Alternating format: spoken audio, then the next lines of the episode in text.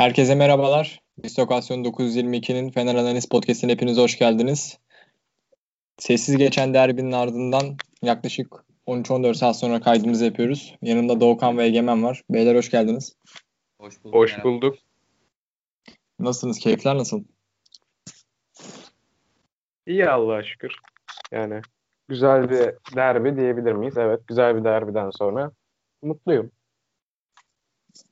Yani sessiz 0-0 geçen bir maç ne kadar zevkli olabilirsin olabilir diye sorsalardı bana maçtan önce bu kadar zevkli olabilir derdim sanırım. Geçen haftaki musunuz? zaten söylemiştik bunları. Güzel bir derbi olacağını düşünüyordum ben de. Sen ne düşünüyorsun Egemen? Yani dediğin gibi sessiz sedasız derbi ancak bu kadar olabilirdi. O da oldu zaten. Ya uzun zaman sonra e, derbilerde yani yine 0-0 bitti ama yani bir mücadele gördük, pozisyonlar gördük, korkak oyun görmedik. Bu şekilde. Ee, biz aslında maçtan uzun süre sonra kaydımızı yapıyoruz. O yüzden böyle maçın heyecanla değil de daha çok böyle oturmuş bir kafa yapısıyla konuşacağız derbiyi. Ben ilk önce size şey sormak istiyorum. Ee, Erol Hoca'nın maçtan önceki ilk 11 tercihini nasıl buldunuz? Geçtiğimiz Hatay maçından farklı 3 oyuncu vardı sahada. Tisserand, Sosa ve Deniz ilk 11'deydi.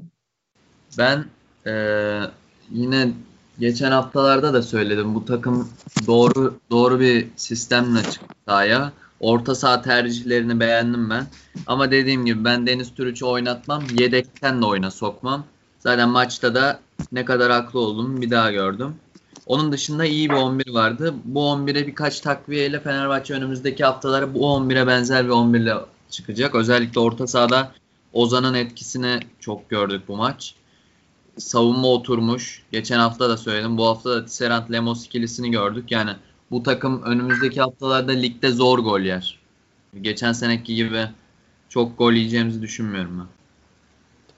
Peki sen de Okan e, ne düşünüyorsun Fenerbahçe'nin ilk 11 hakkında? Vallahi Egemen çok güzel özetledi. Ama ben e, şunu düşünüyorum. Erol Hoca maçtan önce e, Deniz Türücü acaba nasıl düşündü de o ilk 11'e koydu? Ne amaçla koyduğunu çok düşündüm.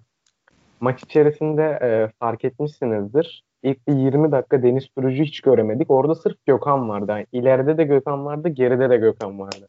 Hep Gökhan'ın adını duyduk. Deniz Türüç etkisiz eleman gibiydi. Maçta adeta Galatasaray karşısında 11'e 10 oynadık bana göre. Ee, tabii o kanat e, şeyden sonra çok etkili oldu bana kalırsa. Ee, e, şeyin girmesinden sonra, Ferdi Kadıoğlu'nun girmesinden sonra e, kanatlar değiştirildi. Daha iyi bir 11 oldu. Atak bulduk ama ben Egemen'e bir soru sormak istiyorum. Maçtan sonra Ozan Tufan'ı çok eleştirdiler. Bu konuda ne düşündüğünü çok merak ediyorum. Ben çok beğendim çünkü Ozan'ı. Ben burada Egemen'e bir soru sormak istiyorum izinle Ercan abi. Egemen, Ozan Tufan'ı kötüleyenler hakkında ne düşünüyorsun? Ya Ozan Tufan'ı kötüleyenler hakkında yani ben maç maç hakkında konuşayım. Yani maçta Fenerbahçe'nin e, atağa çıkmasında en önemli pay sahiplerinden biri Ozan Tufan'dı zaten. O dripliklerine yani Galatasaray oyuncuları kart görmeden durduramadı açıkçası Ozan Tufan'ı. E, onu söylemek lazım. Ozan Tufan bu maç iyiydi. Yani o hani kilo aldı falan filan haberlerinden sonra bu maç gerçek Ozan Tufan'ı gösterdi bize. Ya bu şekilde giderse ben Mert Hakan'a formayı kaptıracağını düşünmüyorum. İlk oyuncunun zaten çok farklı rollerde olduğunu düşünüyorum ben Mert Hakan ve Ozan'ın. Ozan e, bu seviyede oynamaya devam ederse ilk 11'inde değişmez isimleri isimler arasında olacağını düşünüyorum. E, ben size şey sormak istiyorum. E, Sosa Trav geçen sene Trabzon'da oynadığı rolünden farklı bir şekilde biraz daha Gustavo'nun yanında oynadı değil mi? Siz de bunu evet. görmüşsünüzdür zaten. Ozan biraz daha e, sahte 9 gibi oynadı ileride.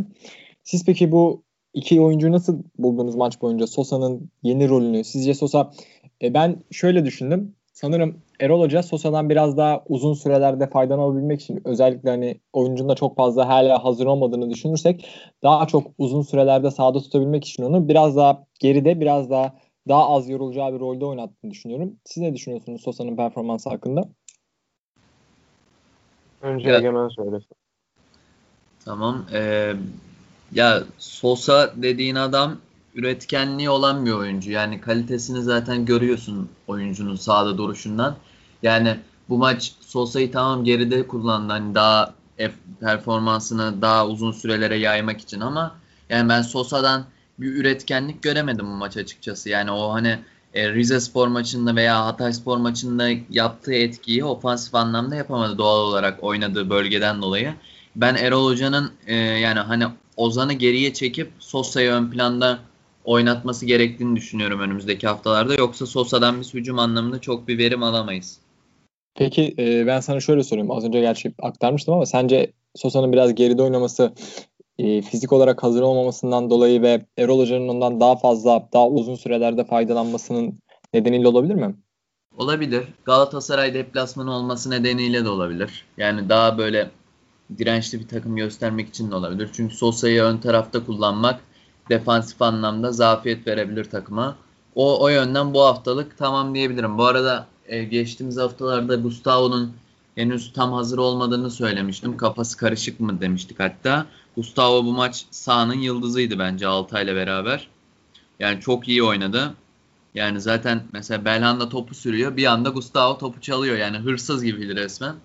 O yönden Gustavo yine kalitesini gösterdi. Var mı senin eklemek istediğin bir şey Doğukan? Ee, olur. Ee, ben gerçekten e, Sosa ile başlayalım. Sosa e, maçtan önceki yorumları da dinlediğimde Erol Hoca Ozan Gustavo Sosa'yı döndürerek oynamayı düşündüğünü söyledi her kişi. Ve senin yorumuna da katılıyorum. Uzun verim alabilmek için bunu yaptığını düşünüyorum ben de. Çünkü Sosa oyunda olduğu zaman Gustavo da rahat ediyor. Hani aklı topta kalmıyor diyor. Yani Sosa yanımda nasıl olsa ben topu kaptıktan sonra herhangi bir pasla oyunu hemen açabilecek bir Sosa vardı Gustavo'nun yanında. Gustavo çok rahat etti bu maçta ve gereken verimi aldık bence Gustavo'dan ve Sosa'dan da. Etkisiz kalmış olabilir ofansif anlamda ama defansif anlamda gerçekten Sosa çok rahatlattı Gustavo'yla. Ofansif verimi de Ozan'la sağladık ama tabi Egemen'in söylediği gibi ofansif anlamda Sosa'dan verim alabilmek için sağlam bir forvete de ihtiyacımız vardı.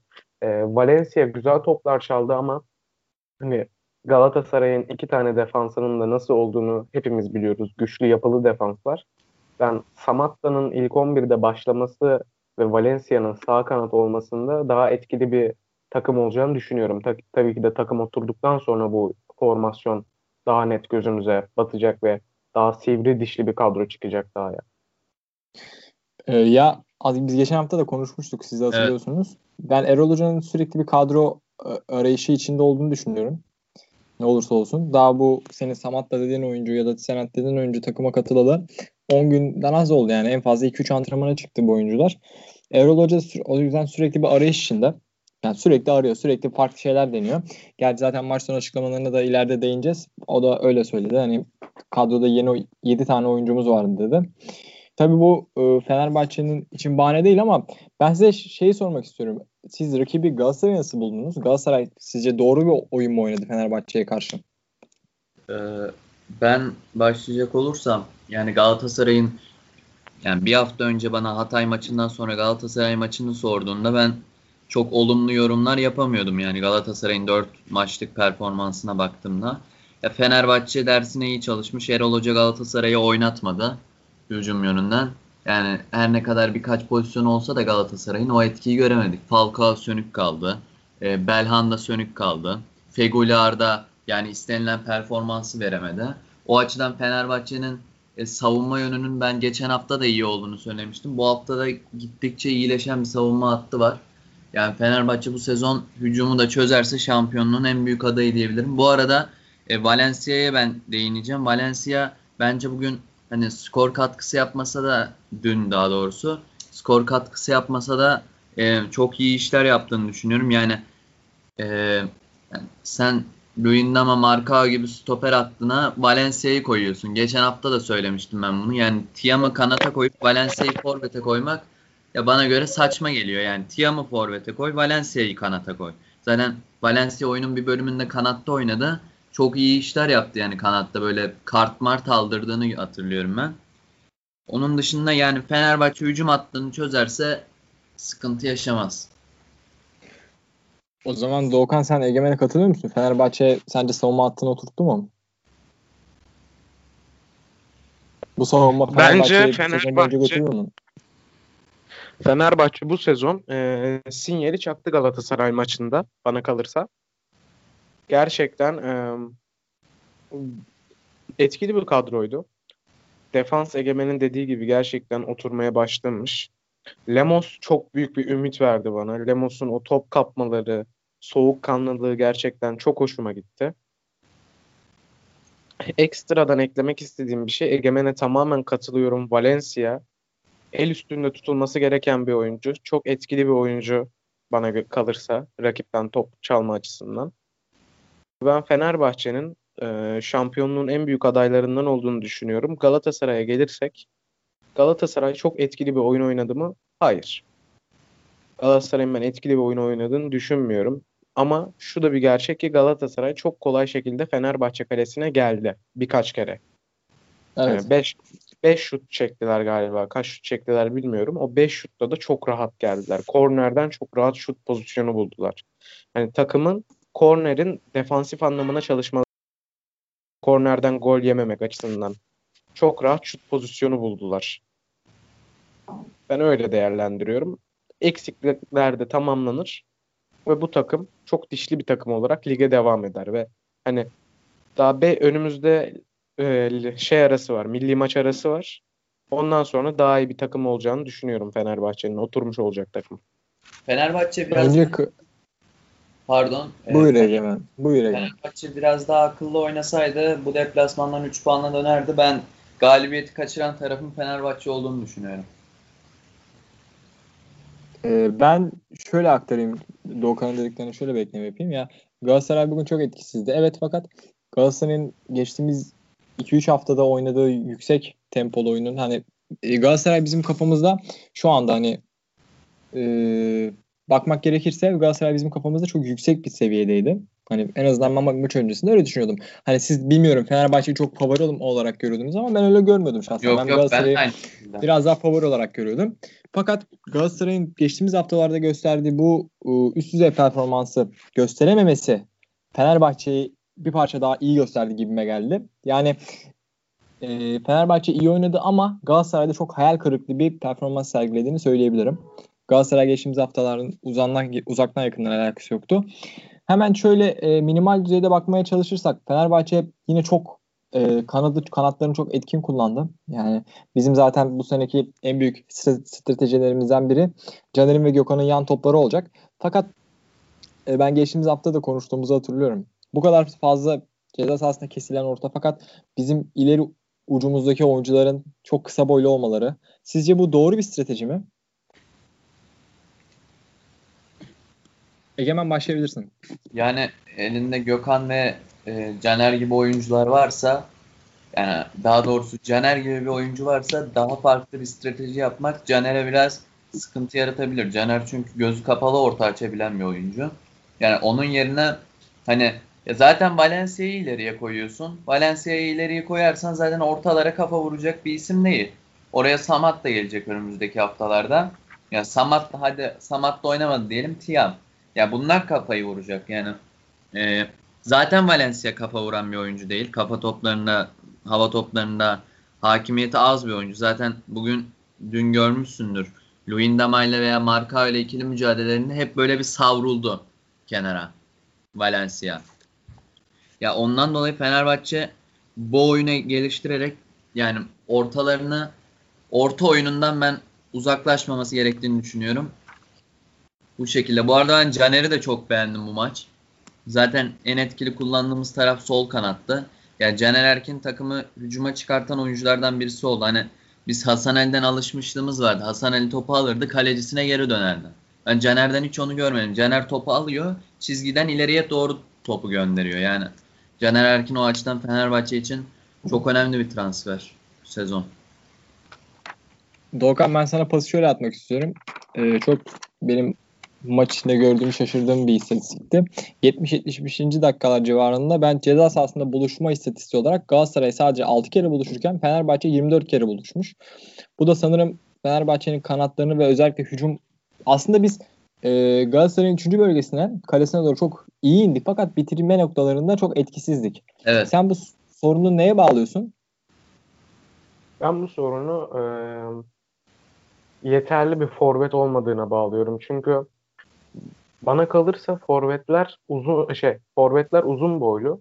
E, topu aldıktan sonra kaleyi indirgeyebilen oyuncular olmalı ve bekler de bunları aradı. Bu forvet tarzını aradı.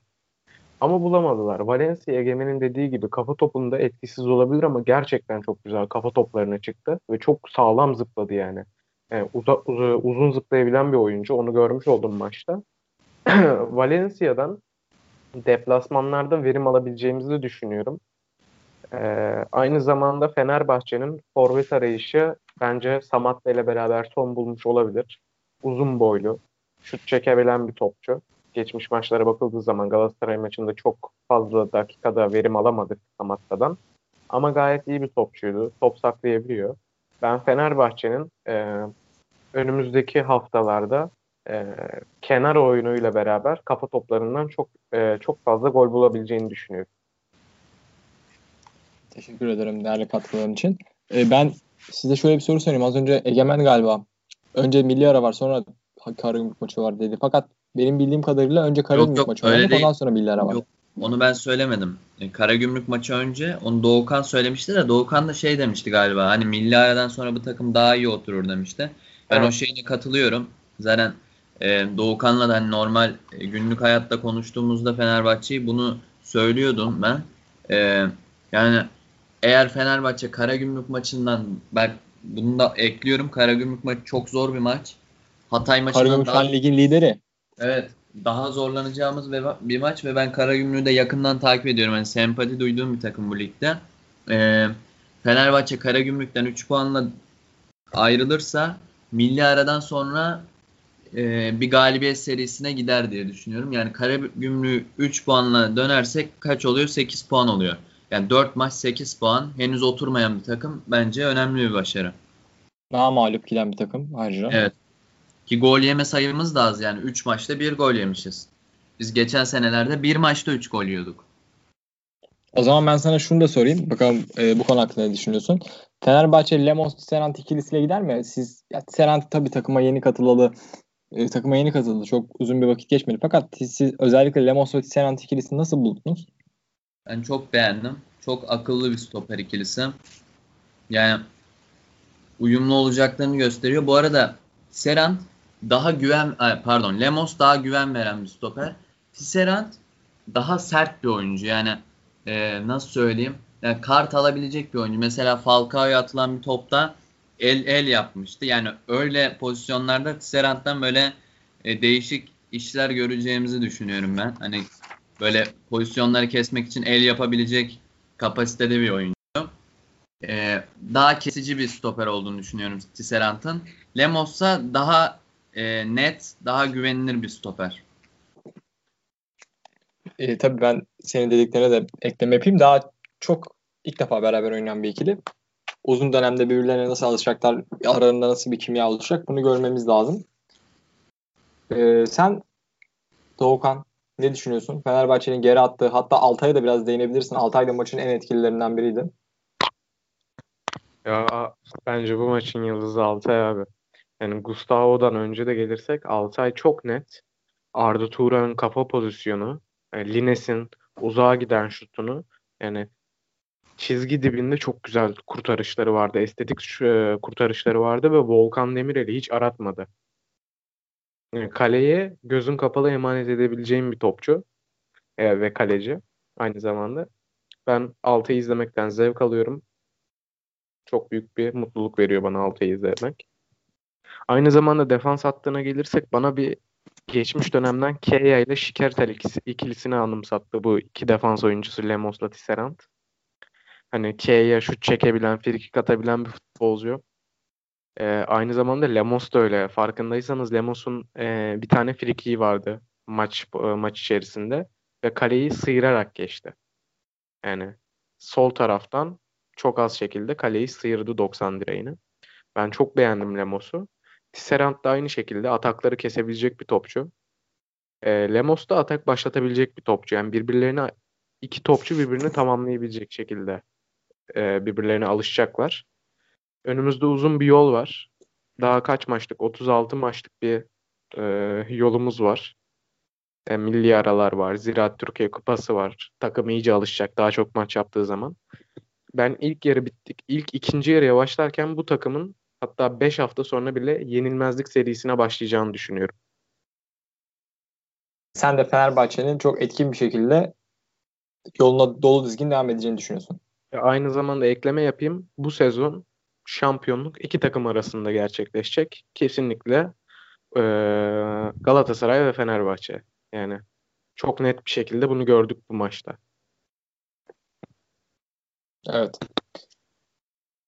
Erol Hoca'nın da Galatasaray karşısında ilk puanıymış deplasmanda. Onu da kutlayalım buradan. Ee, isterseniz ya ben size şu şeyi sormak istiyorum. Tabii ligin e, henüz başında oynanmış bir derbi. Fakat hocaların maçtan çıkarabilecekleri dersler sizce neler? Her iki hocayı da değerlendirmenizi istiyorum. Tabii biz şu an Fenerbahçe'yi değerlendiren bir podcastiz. Fakat ben Fatih Terim için ne düşünüyorsunuz? Ya da Erol Bulut'un uzun vadede çıkarabileceği dersler neler? Ben size kısaca şöyle bir ekleme yapayım. Hani az önce de ben ceza sahasından yan topları biraz daha etkin kullanıp kullanmalıyız demiştiniz. Ben size şu şeyi de ekleyebilirim. Sanki e, Sosa'yı biraz daha ön tarafa sahte 9 rolüne adapte etmesi gerekiyor Erol Hoca'nın. Bilmiyorum katılır mısınız? Tabii onun da fizik yapısıyla alakası var ama siz ne düşünüyorsunuz? Uzun vadede Fenerbahçe ve Erol Hoca bu maçtan nasıl der? Erol Hoca'nın e, bu maçtan çıkarması gereken en önemli ders bundan sonra Deniz Türüç'ü 11'de oynatmamak olmalı bence. En önemli ders. Ve bence Erol Bulut'un yani çok bir hatası yoktu bu maç. Tek hatası Deniz Türüç'ü oynatmaktı. Yani Rodriguez hazır değil diyorlar da Rodriguez Deniz'den ne kadar kötü oynayabilirdi? Veya Deniz'in o Ferdi. bulduğu bir pozisyon Deniz'in bulduğu bir pozisyon vardı. Valencia bırakıyor ceza sahası içinde. Rodriguez onu ne, ne kadar daha kötü kullanabilirdi o topu? Ben onu sormak istiyorum öncelikle size. Ya bence Ferdi veya Rodriguez maçta oynayabilir Deniz yerine. Ben Deniz'in hala Fenerbahçe kalibresinde bir futbolcu olduğunu düşünmüyorum. İlk başlara neden geldiğini anlamamıştım. Şu anda hala neden 11 başladığını ya da neden kenardan girdiği zamanda neden oyuna girdiğini anlamıyorum. Evet. Yani dediğim gibi kenardan bile oyunu almam ben. Hani zaten 78 dakika Deniz Türkçe nasıl dayanıldı ben onu da bilmiyorum. Zaten Erol Bulut'un da bir daha böyle bir hata yapacağını da düşünmüyorum. Zaten maç sonu verdiği bir deme- demeç var. Biz Samatta'yı öne koyacağız. Onun arkasında ve kanatlarda kimi oynayacağımız için arayışlar içerisindeyiz demişler. Buradan da Deniz Türüç'ün oynamayacağını anlayabiliriz bir dahakine. Erol Hoca sürekli bir arayışında zaten. Buyur Doğukan. Ee, Egemen'in dediğini ben de dinledim. Yani şunu çıkarabiliriz Erol Hoca'nın konuşmasından. Oyunu Samatta'nın üzerine kuracaklar ön planda. Hani üçüncü bölgede e, atak anlamında Samatta'nın üzerine kurulacak bir oyun var. Şimdi Aslında ben e, özür dilerim lafını böldüğüm için. Ben sana şunu da önereceğim. Biz Samatta transferini konuşmadık. İstersen e, bitireceklerinin sonunda bir de Samatta'nın transferini de değerlendirebilirsin. olur. Aynı bağlamda. Tamam. Ee, e, Erol Hoca'nın gerçekten e, dediğiniz gibi Deniz Türüş hakkında bir değerlendirme yapması lazım. Bu oyuncunun hangi maçlarda oynayıp hangi maçlarda oynamayacağı. Şahsen ben Erol Hoca'nın yerinde olsam Deniz Türücü Ziraat Türkiye Kupası'nı atardım direkt yani. Oyna orada ne yaparsan yap derdim. Ee, şu anda e, Fatih Terim'den de değinelim. Sen değinmemizi istedin abi. Fatih Terim'in çıkarması gereken tek ders burada yan toplara iyi çalışması lazım. Fenerbahçe maç öncesinde en büyük favori Galatasaray'da. Çok büyük yorumcular da öyle diyordu ama görmüş olduk ki Fenerbahçe yan toplarla Galatasaray'ı bugün bitirebilirdi. Öyle. Herhangi bir gol olsaydı yan toplardan olurdu bana göre. Ve gerçekten iyi bir oyun oynadı Fenerbahçe. Atak anlamında da, defansif anlamda da. Ee, ikinci bölgeyi çok iyi kullandılar. Ben çok beğendim. Ama e, gel gör ki Fenerbahçe forvet olmadan gol bulamıyor. Bunu da görmüş olduk. Hani geçen Ben yine sene e, özür dilerim. Ben yine bekledim yani. Bir 18-20 gibi Gökhan'ın bir ön direğe koştuk yan toptan. Gökhan yine ön direkten yazacak diye bekledim. ha, o pozisyona gelirse Beşiktaş pozisyon. maçında hatırlıyor musunuz? Aynı golü bize atmışlardı. Fenerbahçe'ye Evet. atmışlardı. Caner'le Gökhan. Ben onu aynı aynı o pozisyonu düşündüm. Gol olaydı dedim. Ya keşke. zaten zaten kaç zamandır bizim yani e, tabii takımın da daha henüz oturmamasını konuşmuştuk. Bizim en büyük gol silahımız Caner'in kestiği Gökhan'ın ön direğe koşu yaptı ve arkaya doğru aşırttı ya da kaleye doğru vurduğu vuruşlar. Devam edebilirsin. Ya çok çok güzel bir yorumdu bence. Ya, haklı bir yorumdu. Ee, Samatta'ya gelelim. Samatta ile ilgili düşüncelerime. Samatta'nın 240 maçlık bir e, şeyi var. Oyunu var ve 100 gol ve 19 asistlik bir performansı var. Genç bir forvet. Şu anda da Fenerbahçe'de 10 numaralı formayı kaptı. Ben iyi işler yapabileceğini düşünüyorum Samatta'nın. Samatta Premier Lig'de gol atamamış olabilir ama Premier Lig'in ne kadar zor olduğunu herkes biliyor. Premier Lig'de o gol atmak o kadar kolay değil. Oynadığı takımlara da bakmak lazım. Hani Leicester gibi, Manchester City gibi, United gibi takımlara gol atmak ne kadar kolay. Yani bir düşünmesi lazım herkesin. Gelirken Aslında herkes çok, çok da e, çok da bir forma şansı bulamadı ya Premier Lig'de. 16 maç 2 gol. ama bence Yani gayet son, iyi. ço- çoğuna da sonradan girdi oyuna. Yani 16 maçta çok büyük bir sayı değil. Evet. Yoksa önceki takımda Belçika'da birçok maçta e, çok yüksek bir gol pozisyon ve istatistik oranı vardı. Ya forvet için en zor olan şey o takımın yeni geldiğin takımda ilk golü atmaktır. Yani ilk golü attıktan sonra devamı geliyor zaten. Burada bir solda da örneğini hatırlıyorsanız e, Sivas maçına kadar gol atamamıştı. Artık herkes artık hadi bu maç at diyordu. Adam 3 tane attı Sivas maçında Kadıköy'de. 4-2 yenmiştik yanlış hatırlamıyorsam. 3 tane attı. Sonrasındaki haftalarda zaten gollere tıkır tıkır gelmeye başladı. Samat'ta da çok önemli bir transfer. Zaten e, Fatih Terim'in geçen sene Falcao transferi yerine Samatta'yı istediğini de biliyoruz. Yani Çok ismi dönmüştü evet. Samatta'nın geçen sene. ya zaten Samatta'nın Galatasaray'la ismi anıldığında ben şey demiştim. Ya keşke bize gelse. Ve geldi yani. Bir de Ben bir Samat- Keşke Allah'tan keşke Allah'tan başka bir şey isteseymişsin ya. Samatta gibi bir oyuncunun da 6 milyon euro gibi bu bonservisle transfer edilmesi de önemli bir transfer başarısı bence. bence de. Evet, ben bir ekleme yapmak istiyorum. Ve 4 Evet. yılda ödenecek o para. Aynen. Ben şu ekleme yapacağım. Hani Egemen dedi ya e, bir, bir forvet için ilk maçta gol atmak önemli. E, ben dün şunu da gördüm. E, Atletico Madrid bildiğim kadarıyla Luis Suarez'i 6 milyon euroya transfer etti. E, Luis Suarez dünkü maçta girdi. 5 dakika sonra ilk golünü attı. 10 dakika sonra ikinci golünü attı. Bu da Ama rakip de Granada'ydı yani onu da göz ardı etmemek lazım. Ya ben şunu düşünüyorum hani bazı transferler yerine 6 milyon euroluk bonservisle Luis Suarez aslında kadromuza katsaydık ne olurdu diye düşünmedim değil. Hani Samatta'nın yanında Yani 6 milyon Luis Suarez'in 6 milyon euroluk bonservis bedeli ama Luis Suarez'in bizim şu an e, kadromuzda maaş alan oyuncuların yarısı kadar falan para isteyeceğini biliyorsundur herhalde. evet hayal ama ya hayali bile güzel bence yani kabul etmek lazım. Ya Samatta'yı ilk, ilk maçta düşünüyorum. İlk maçta gol atmadı diye ben bir şey söylemiyorum da e, yani Suarez olsa bugün kadroda o da gol atamazdı ilk maçta. Çünkü o Samatta'ya çok top gelmedi. Zaten Deniz Türüç'ün bir pozisyonu var. Sosyal medyada görmüşsünüzdür belki. Yani araya bıraksa Samatta mı oradaki tam emin değilim. Orada siyahi bir forvet var. Tiam da olabilir. Tam tanıyamadım. Zaten Erol Bulut da kenardan o fotoğrafta oraya ver diyor. Ama gitti saçma sapan topu kullandı Deniz Türüç. Umarım sezon sonu geldiğinde o pası aramayız yani. Biliyorsunuz Giuliano'nun Tiam, Tiam aşırtmasını- Tiam değildir çünkü Tiam'la e, Tiam yerine girdi biliyorsunuz. O yüzden Tiam değildir o muhtemelen. O yani pozisyondaki. Samatta'ysa daha çok üzülürüm ama. Olabilir. E çünkü 17-18 sezonun sonunda biz Giuliano'nun aşırtmasını aramıştık. Galatasaray'a karşı olan bir pozisyonda. Umarım bunu aramayız. Umarım diyeyim ve e, ben size son soruları sormak istiyorum. Bir tur daha son so- sorular bazında dönelim. E, sizce Fenerbahçe bugün 1 puan kazandı mı yoksa 2 puan kaybetti mi? Hanginiz başlamak ister beyler? Sessizlik oluştu. Ben Ee, Doğukan'a bırakayım sözü. Fenerbahçe bugün bir puan kazandı. Yani Fenerbahçe bugün çok şey kazandı. Yani bugün demeyelim, dün diyelim. Dün çok şey kazandı Fenerbahçe.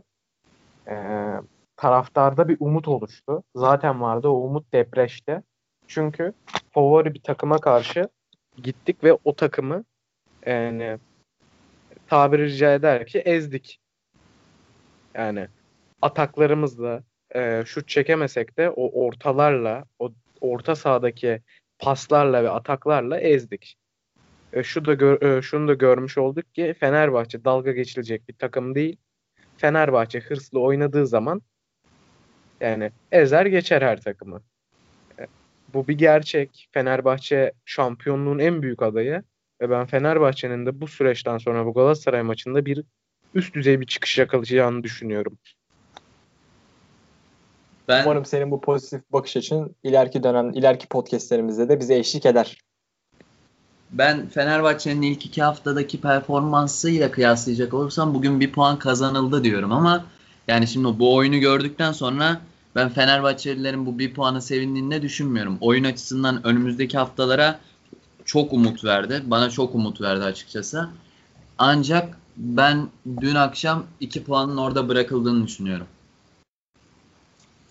Teşekkür ederim beyler değerli katkılarınız için. Ee, var mı başka eklemek istediğiniz bir şey? Yavaştan sonuna gelelim yayınımızın. İsterseniz çok ufak bir Karagümrük maçına değinelim. Ne dersiniz? Olur. Karagümrük'te ligin, Karagümrük'te ligin Karagümrük'te ligin e, en iyi başlayan takımlarından yeni ligin yeni ekibi olmasına rağmen çok hızlı bir başlangıç yaptılar. Hatta şu an ligin lideri. Siz ne düşünüyorsunuz bu maç hakkında? Nasıl bir öngörüde bulunuyorsunuz? Cumartesi günü oynanacak maç. Yani zor bir maç. Karagümrük hücumda da savunmada da etkili bir takım.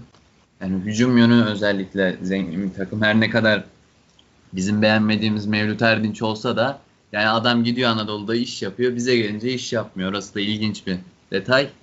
Ee, yani Karagümrük maçı zor olacak. Hem de çok zor olacak.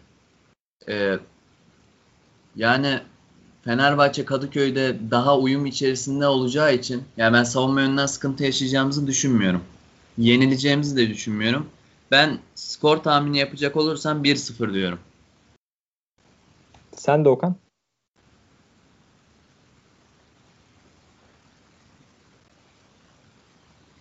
Doğukan sesin gelmiyor. Sanırım Doğukan'ın sesinde bir sıkıntı var. Senden alalım bir tahmin. E, ben de Karagümrük maçını az önce söylediğim gibi çok e, zorlu bir geçeceğini düşünüyorum. Çünkü Karagümrük gerçekten çok iyi başladı. E, ben 2-1 yeneriz gibi geliyor. Ama böyle hani e, çok kısır bir maç olur diye öngörüyorum. Evet. Umarım yeneriz. Doğukan'ın yani da sesi gelmiyor. Yenersek önemli evet. bir iş olur. 4 hafta 8 puan. Yani çok çok iyi bir iş olur. Hem de. Bir de Galatasaray puan kaybetti mi tadından yenmez. Evet. Var mı? Doğukan yayından koptu sanırım. Egemen senin başka, başka eklemek istediğin bir şey var mı? Benim yok şu anlık. Bakalım güzel bir hafta olsun Fenerbahçe için. Tamamdır. Ben de öncelikle size değerli yorumlarınız için sonra da dinleyenlere e, değerli dinlemedikleri için teşekkür ederim. Bir dahaki yayınlarda görüşmek üzere. Hoşçakalın.